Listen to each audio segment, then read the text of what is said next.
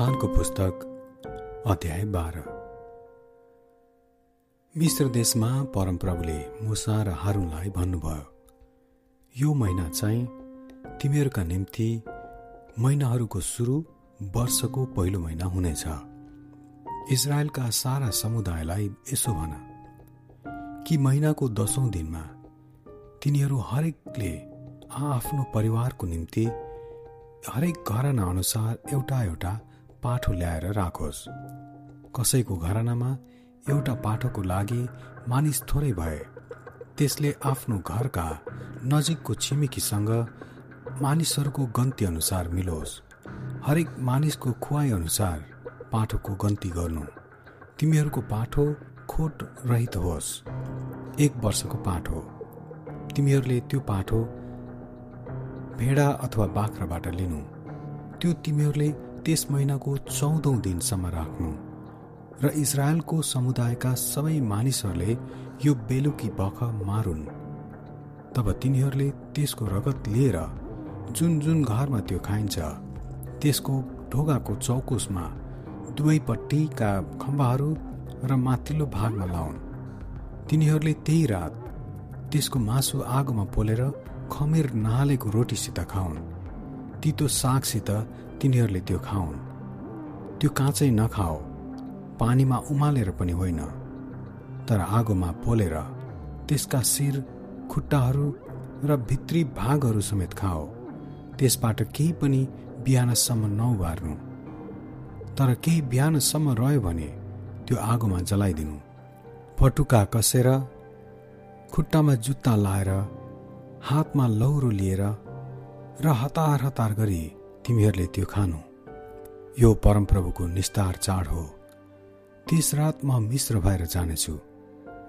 र मिश्रका मानिस र पशु दुवैका पहिले जन्मेका र बिहाएकाहरूलाई मार्नेछु। र मिश्रका सबै देवताहरूका विरुद्धमा म इन्साफ गर्नेछु। म परमप्रभु हुँ। तिमीहरू बसेका घरहरूमा त्यो रगत तिमीहरूका निम्ति चिन्ह हुनेछ। जब म त्यो रगत देख्दछु तब तिमीहरूलाई चाहिँ छोडिदिनेछु। र मैले मिश्रलाई प्रहार गर्दा नाश गर्ने कुनै विपत्तिले तिमीहरूलाई छुने छैन। त्यो दिन तिमीहरूका निम्ति एउटा स्मरणीय दिन हुनेछ। र तिमीहरूले त्यो दिन परमप्रभुको निम्ति चाड मनाउनेछौ। तिमीहरूले यो पुस्तौँसम्म एउटा रहिरहने विधि स्वरूप मान्नु। सात दिनसम्म तिमीहरूले अखमेरी रोटी खानु।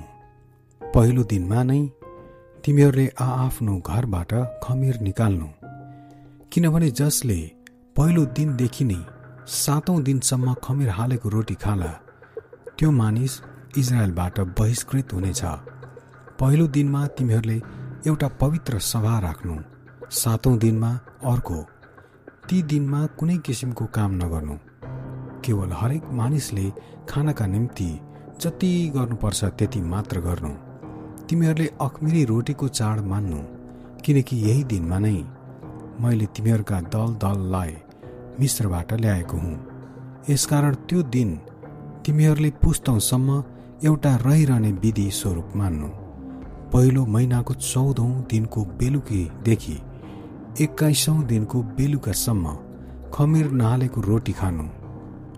तब मोसाले इजरायलका सबै धर्मगुरुहरूलाई बोलाउन पठाएर तिनीहरूलाई भने गएर आफ्नो परिवार अनुसार एउटा एउटा थुमा निकाल र निस्तार चाडका बलिको निम्ति मार।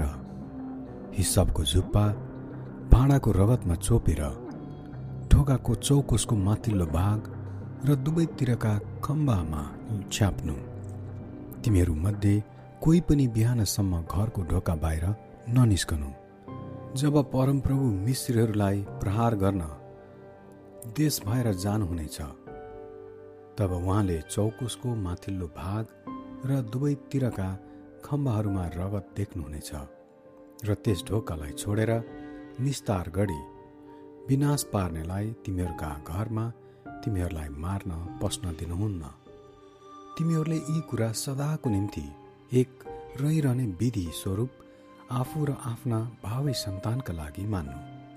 जब तिमीहरू परमप्रभुले आज्ञा गरेर दिनुभएको देशमा पस्नेछौ तब तिमीहरूले यो चाड मान्नु। जब तिमीहरूका छोराछोरीले यस चाडको अर्थ के हो भनी सोध्छन् तब तिमीहरूले भन्नु यो परमप्रभुको निस्तार चाडको बलिदान हो।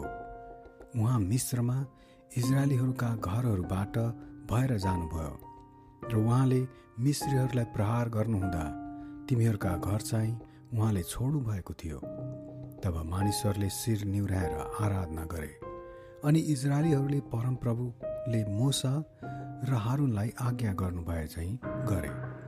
मध्यरातमा सिंहासनमा बस्ने फारोको जेठो छोरादेखि लिएर झ्यालखानमा हुने कैदीहरूको जेठो छोरासम्म सबै गाईबस्तुहरूका पहिले बिहाएका समेत मिश्रमा सबैलाई पहिले जन्मेकाहरू परमप्रभुले मार्नुभयो।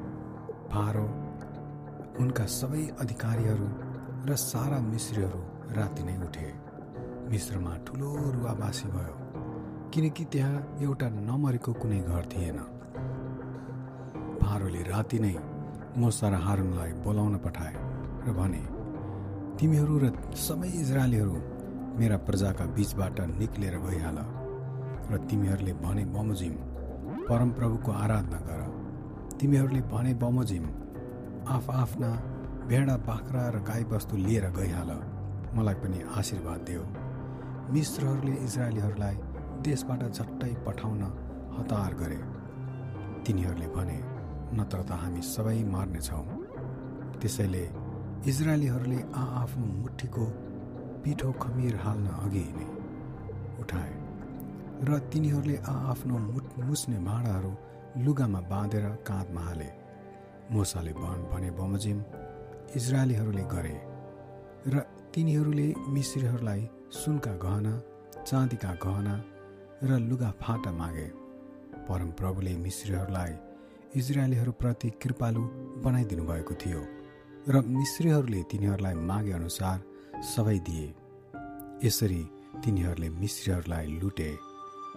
इजरायलीहरू रामशेषबाट हिँडेर सुकोतमा गए। आइमाई र केटाकेटीहरू छोडेर करिब छ लाख पैदल हिँड्ने मानिसहरू थिए। तिनीहरूका साथमा अरू मानिसहरू र थुप्रै भेडा बाख्रा र गाईबस्तु पनि लगे। तिनीहरूले आफू साथ मिश्रबाट ल्याएको मुछेको पिठोको अखमिरी रोटी बनाए। त्यो खमिरा भएको थिएन किनभने तिनीहरू मिश्रबाट धपाइँदा आफ्ना निम्ति भोजन बनाउने पनि तिनीहरूले समय पाएका थिएनन्।